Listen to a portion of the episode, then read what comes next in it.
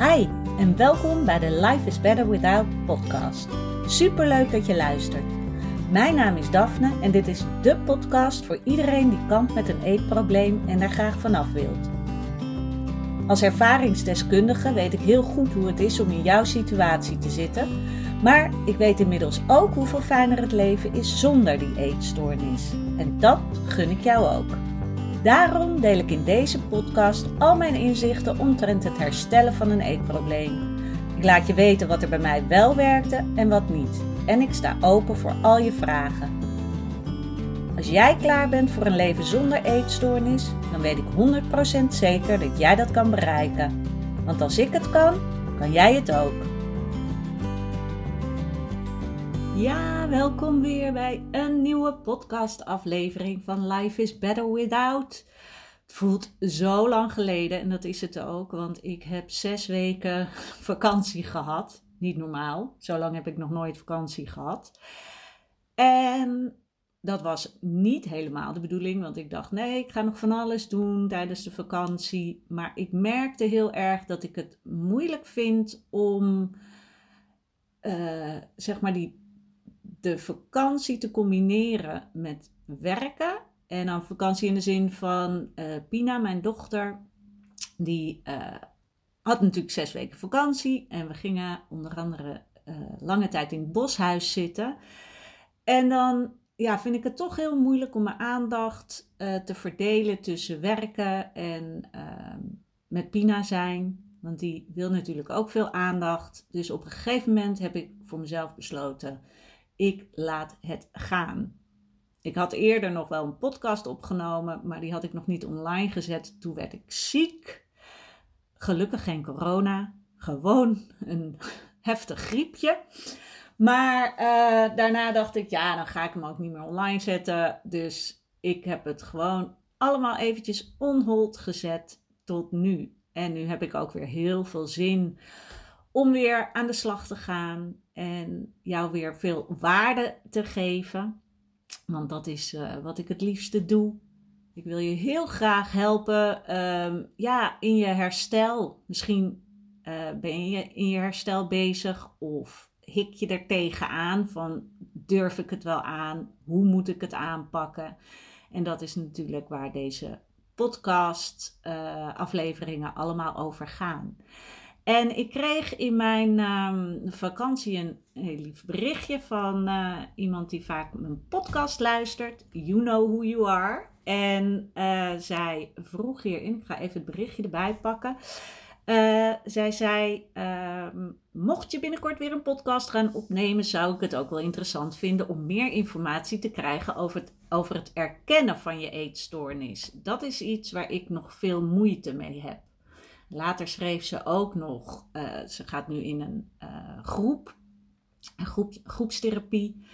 En daar schrijft ze over, ik vind mijn probleem echt in het niets vallen in vergelijking tot de rest. Vandaar dat ik het zo lastig vind om erover te praten. Het mag er nog niet echt zijn van mezelf, denk ik. En dat is inderdaad een hele belangrijke die ja, waarschijnlijk veel van jullie wel zullen herkennen. Ik in ieder geval wel. Uh, inmiddels niet meer, maar ik had dat ook heel, heel lang. Ik dacht ook altijd van, ja, wie, wie ben ik om, uh, ja, om therapie te krijgen? Om coaching te krijgen, om in een groep te gaan en laat staan een maand naar Portugal om daar een intensief traject te gaan volgen om van mijn eetstoornis af te komen. Want bij mij viel het toch allemaal wel mee. Ik kon nog werken, ik had vrienden, maar ondertussen had ik natuurlijk uh, nog steeds een heel heftig eetprobleem waar ik me niet vanaf kwam. En ook omdat ik het niet voor de volle 100% erkende, bleef ik daar ook in hangen. En daarom is het zo belangrijk dat je het wel gaat erkennen. Moet je dan wachten met um, herstellen en hulp vragen totdat je je eetstoornis erkent? Nee, zeker niet.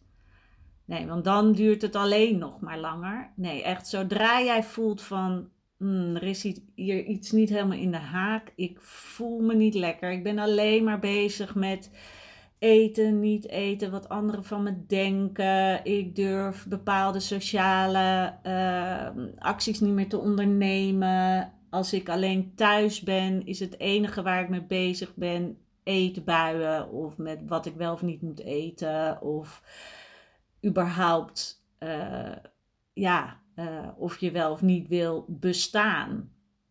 En dat is in bij iedereen is dat natuurlijk anders. En de een die woont samen, de ander woont alleen. Ik woonde toen uh, het grootste gedeelte uh, alleen. Ik heb ook wel eens met een huisgenoot gewoond. Nog erger. Want dan is het, ben je nog meer bezig met dingen.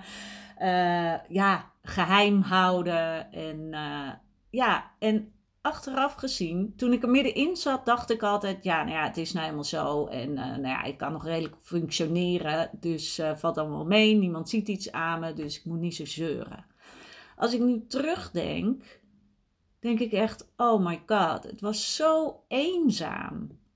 En ondanks dat ik veel vrienden had en collega's, was datgene wat het grootste gedeelte was, het grootste onderdeel was van mijn leven, deelde ik met niemand. En dat is zo eenzaam. En dat als ik thuis kwam, dat ik alleen maar daarmee bezig was. En dat is wat ik pas veel later ben gaan beseffen. Hoe erg het eigenlijk was. En dat ben ik pas gaan beseffen. Ja, toen ik eigenlijk al voor een groot gedeelte hersteld was. Want dan ga je pas doorhebben ja, wat je allemaal hebt gemist of hoe moeilijk het allemaal was. En daarom is dat erkennen van je eetstoornis wel echt een sleutel tot het uiteindelijke echte herstel. Maar dat ga je natuurlijk ook pas zien als je er steeds meer uitkomt. Want als je er middenin zit, is het heel moeilijk om van een afstandje te kijken en te denken: oh ja, dat is wel echt heel erg. In ieder geval, ja, ik had toen nog heel veel negatieve stemmen in mijn hoofd. Van uh, niet zo zeuren, kom op nou, gewoon doorgaan, uh, weet je. En toen die stemmen allemaal veel minder werden, kon ik ook op een, ja, een veel nuchterdere, is dat een woord, uh, manier kijken naar hoe het is geweest voor mij. En dat ik toen pas ging beseffen van, oef, ja, dat was best wel ernstig eigenlijk. En dat ik ook echt denk van, nee, dit wil ik gewoon nooit meer. En dit gun ik niemand. En dat is denk ik ook de reden dat ik uiteindelijk, ik wilde er heel lang niet aan, om er weer mee bezig te zijn was ook een beetje kop in het zand, maar uiteindelijk heeft dat erkennen en het zien hoe het was er ook toe geleid dat ik nu deze podcast ben begonnen.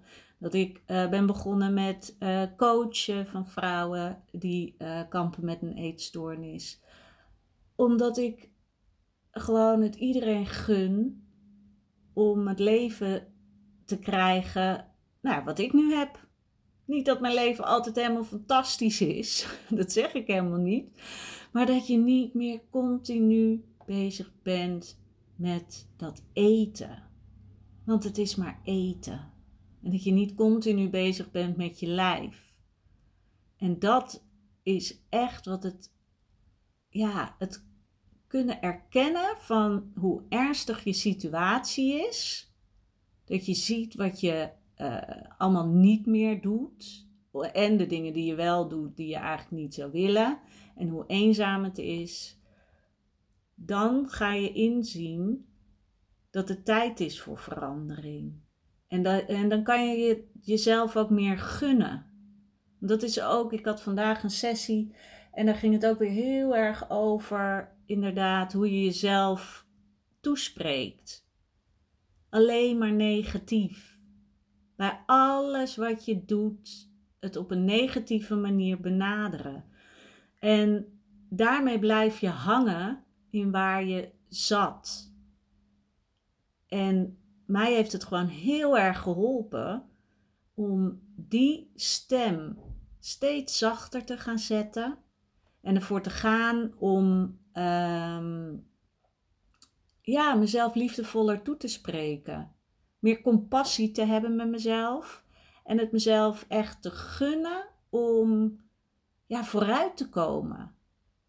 En er zo klaar mee te zijn dat wat ik eerst deed niet het resultaat had wat ik wilde. Ik werd er niet gelukkiger van. En daar dus zo klaar mee zijn dat je het ook aandurft om iets anders te gaan proberen. En nou ja, dat heeft echt wel even geduurd. Ik heb heel veel therapieën gehad. Maar telkens bezig blijven met toch erover praten, uh, jezelf uh, ontwikkelen. Want dat is echt het grootste goed wat je hebt, dat je jezelf kan blijven ontwikkelen. En dat houdt niet op als je hersteld bent. Je moet jezelf blijven ontwikkelen. En natuurlijk, ik hou niet van het woord moeten, maar in dit geval echt gun het jezelf. Want daardoor blijf je uh, nieuwe dingen ontdekken. En ook van jezelf, want dat is het meest fijne. Als je gaat herstellen, ga je steeds meer jezelf leren kennen. Je gaat steeds meer zien wie ben jij. En ja, en dat, dat is echt heel erg fijn. Want in het begin dacht ik echt van, ja, wie ben ik? Wat wil ik? Weet ik veel. Ik, uh, ja, uh, ik doe gewoon een beetje alles zodat iedereen maar een beetje tevreden is en ik niet te veel opval. En nu doe ik dingen die ik zelf wil, die ik zelf leuk vind. En ik weet echt niet altijd het juiste antwoord. Maar ik weet wel dat dat mijn doel is. Dat het erom moet gaan dat ik er blij mee ben, dat ik het leuk vind. En dat ik daarbij in principe geen rekening hoef te houden met wat andere mensen daarvan vinden. Weet je, als jij deze podcast luistert en je denkt, boch, zo, echt niet interessant. Nou, dan moet je die podcast niet luisteren. Maar hopelijk luister je deze podcast omdat je denkt, super interessant. Ik wil wel horen wat zij te vertellen heeft, want ik zit een beetje in dezelfde situatie. Ik herken me hierin. En dan heb je er wel wat aan. En als jij die persoon bent, dan maak ik deze podcast voor jou. En ik maak hem natuurlijk voor mezelf, omdat ik graag mijn ervaring wil delen en ik wil graag andere mensen helpen. Maar ik maak hem niet voor mensen die er niks aan hebben. En dat klinkt natuurlijk een beetje zo, ja, duh. Maar vaak vergeten we dat. Vaak gaan we iets doen omdat we denken dat we daarmee andere mensen plezieren of uh, dat we aardig gevonden worden. En dat is een verkeerd uitgangspunt. Je moet doen wat jij leuk vindt, waar jij blij van wordt, waar jij een goed gevoel van krijgt. En vervolgens haken daar de mensen op aan die er wat aan hebben en die daarmee verder kunnen. En dat kan altijd weer op, uh, weet je, op allerlei vlakken in je leven kunnen dat andere mensen zijn. Maar het uitgangspunt moet altijd zijn van, uh, jij, jij moet het uitgangspunt zijn. Weet je, jij bent degene in je leven waar het om gaat. Weet je, ik ben in jouw leven niet het uitgangspunt. Of je buurman of buurvrouw is niet jouw uitgangspunt. Jij bent het uitgangspunt in jouw leven. En daarom gaat het erom dat jij je goed voelt. Want als jij je goed voelt, dan straal je dat uit. Dan trek je mensen aan die daar weer op aanhaken en die bij jou passen. En dat is wat je wil. Je wil moeite doen voor mensen die bij je passen en niet voor mensen uh, waar je aan moet lopen trekken en leuren. Want dat is verschrikkelijk. Dat wil je niet. En ik ben nu een beetje afgeweken natuurlijk van het erkennen van je eetstoornis. Maar dat is wel, zodra je het gaat erkennen, kan je gaan groeien. En het is dus ook heel belangrijk om, om realistisch terug te kijken naar hoe je leven was. Helemaal als je gaat herstellen, gaan er telkens kleine dingetjes veranderen. En als je dan weer terugkijkt naar hoe het eerst was. En dat je dan ziet van, oh ja, maar daar wil ik niet meer naar terug, want dat was echt heel naar. Dan heb je al een deel weer erkend van je eetstoornis. En dat wil niet zeggen dat je de hele situatie zo ziet, of dat je inderdaad waar je nu in zit al helemaal kan erkennen. Maar je kan in ieder geval erkennen van, het was wel erg. En door dat te beseffen, kan je ook bedenken, hmm, ik voel dat ik nog niet hersteld ben. Dus dan zal de situatie waar ik nu in zit waarschijnlijk ook niet helemaal optimaal zijn. En mag ik verder gaan en mag ik hulp vragen? Dat, dat is wat je moet doen. Hulp vragen om verder te komen als je het zelf niet meer weet. En het is gewoon heel moeilijk om, als je in die situatie zit, om er dan zelf van een afstand naar te kijken en eruit te komen. En daarom is het fijn als iemand je kan helpen. Die een spiegel voor jou kan zijn. Die kan laten zien van, maar dit is waar je nu in staat. Dit is niet wat je wil. Er is veel meer te bereiken. Al voelt dat misschien nu nog niet zo, maar ik weet dat dit voor jou mogelijk is. En daarom is het zo belangrijk om wel die hulp te halen en telkens terug te blijven kijken naar welke stappen heb je allemaal al genomen. En dat niet te lichthartig, luchthartig, ik weet niet hoe je dat zegt, uh, te zien. Maar dat je het ziet als wauw, ik ben dus al zo ver gekomen. En ja, als ik nu terugkijk, denk ik echt wel van, oh, ik ben zo blij dat ik daar niet meer ben. En ik zie het niet als, uh, oh, ik heb weet ik het wat overwonnen of whatever. Uh, dat hoeft ook niet, maar ik ben vooral zo blij dat ik heb doorgezet. Dat ik niet heb opgegeven en vervolgens erin ben blijven hangen. En ik heb echt wel momenten gehad dat ik dacht, nou, uh, ik heb er echt geen zin meer in op deze manier, maar dat heb ik niet gedaan. En daar ben ik wel echt heel blij mee. En ook trots op dat ik wel ben doorgegaan en dat ik nu dus gewoon een leven heb waarbij ik niet meer bezig ben de hele tijd met dat eten. Weet je, en dat, dat is zo fijn. Dat je gewoon je sociale leven kan hebben zonder schaamte. En ik heb al eens eerder een podcast ook opgenomen over je moet het niet zien als een utopie. Het is niet zo van je wordt meteen helemaal uh, happy de peppy, uh, alles gaat je voor de wind. Nee, dat is niet zo. Maar het feit dat je niet meer continu bezig bent met eten en eetbuien en het eruit gooien en jezelf streng toespreken en nou, en ga zo maar door. Dat, dat, dat is al zo ontzettend fijn. En hoe mooi is dat? Want dat is ook weer zo. Mensen die geen eetstoornis hebben gehad, die hebben dat contrast niet gehad. En ik heb dat contrast gehad. Dus telkens als ik terugdenk aan die periode, denk ik: oh my god, wat ben ik blij dat ik dat nu niet meer heb. En daar kan ik echt heel erg gelukkig van worden. Dus ik wil niet dat je eh, zoiets hebt van, oh ja, mijn eetstoornis is iets positiefs. Maar als ik er nu op terugkijk, ben ik wel extra blij dat ik nu ben waar ik nu ben. Oké, ik ben heel benieuwd hoe jij hierover denkt. Of je er wat mee kan, laat het me ook vooral weten. Uh, deel deze podcast op uh, Instagram bijvoorbeeld, of waar dan ook met je buurvrouw die er misschien wat aan heeft. Want zo kunnen we nog meer mensen helpen die nu in die eenzame strijd zitten en die misschien wel wat herkenning nodig hebben. Ik ben heel blij dat ik er weer ben. en um, ik ga ook weer op mijn Instagram goed aan de slag.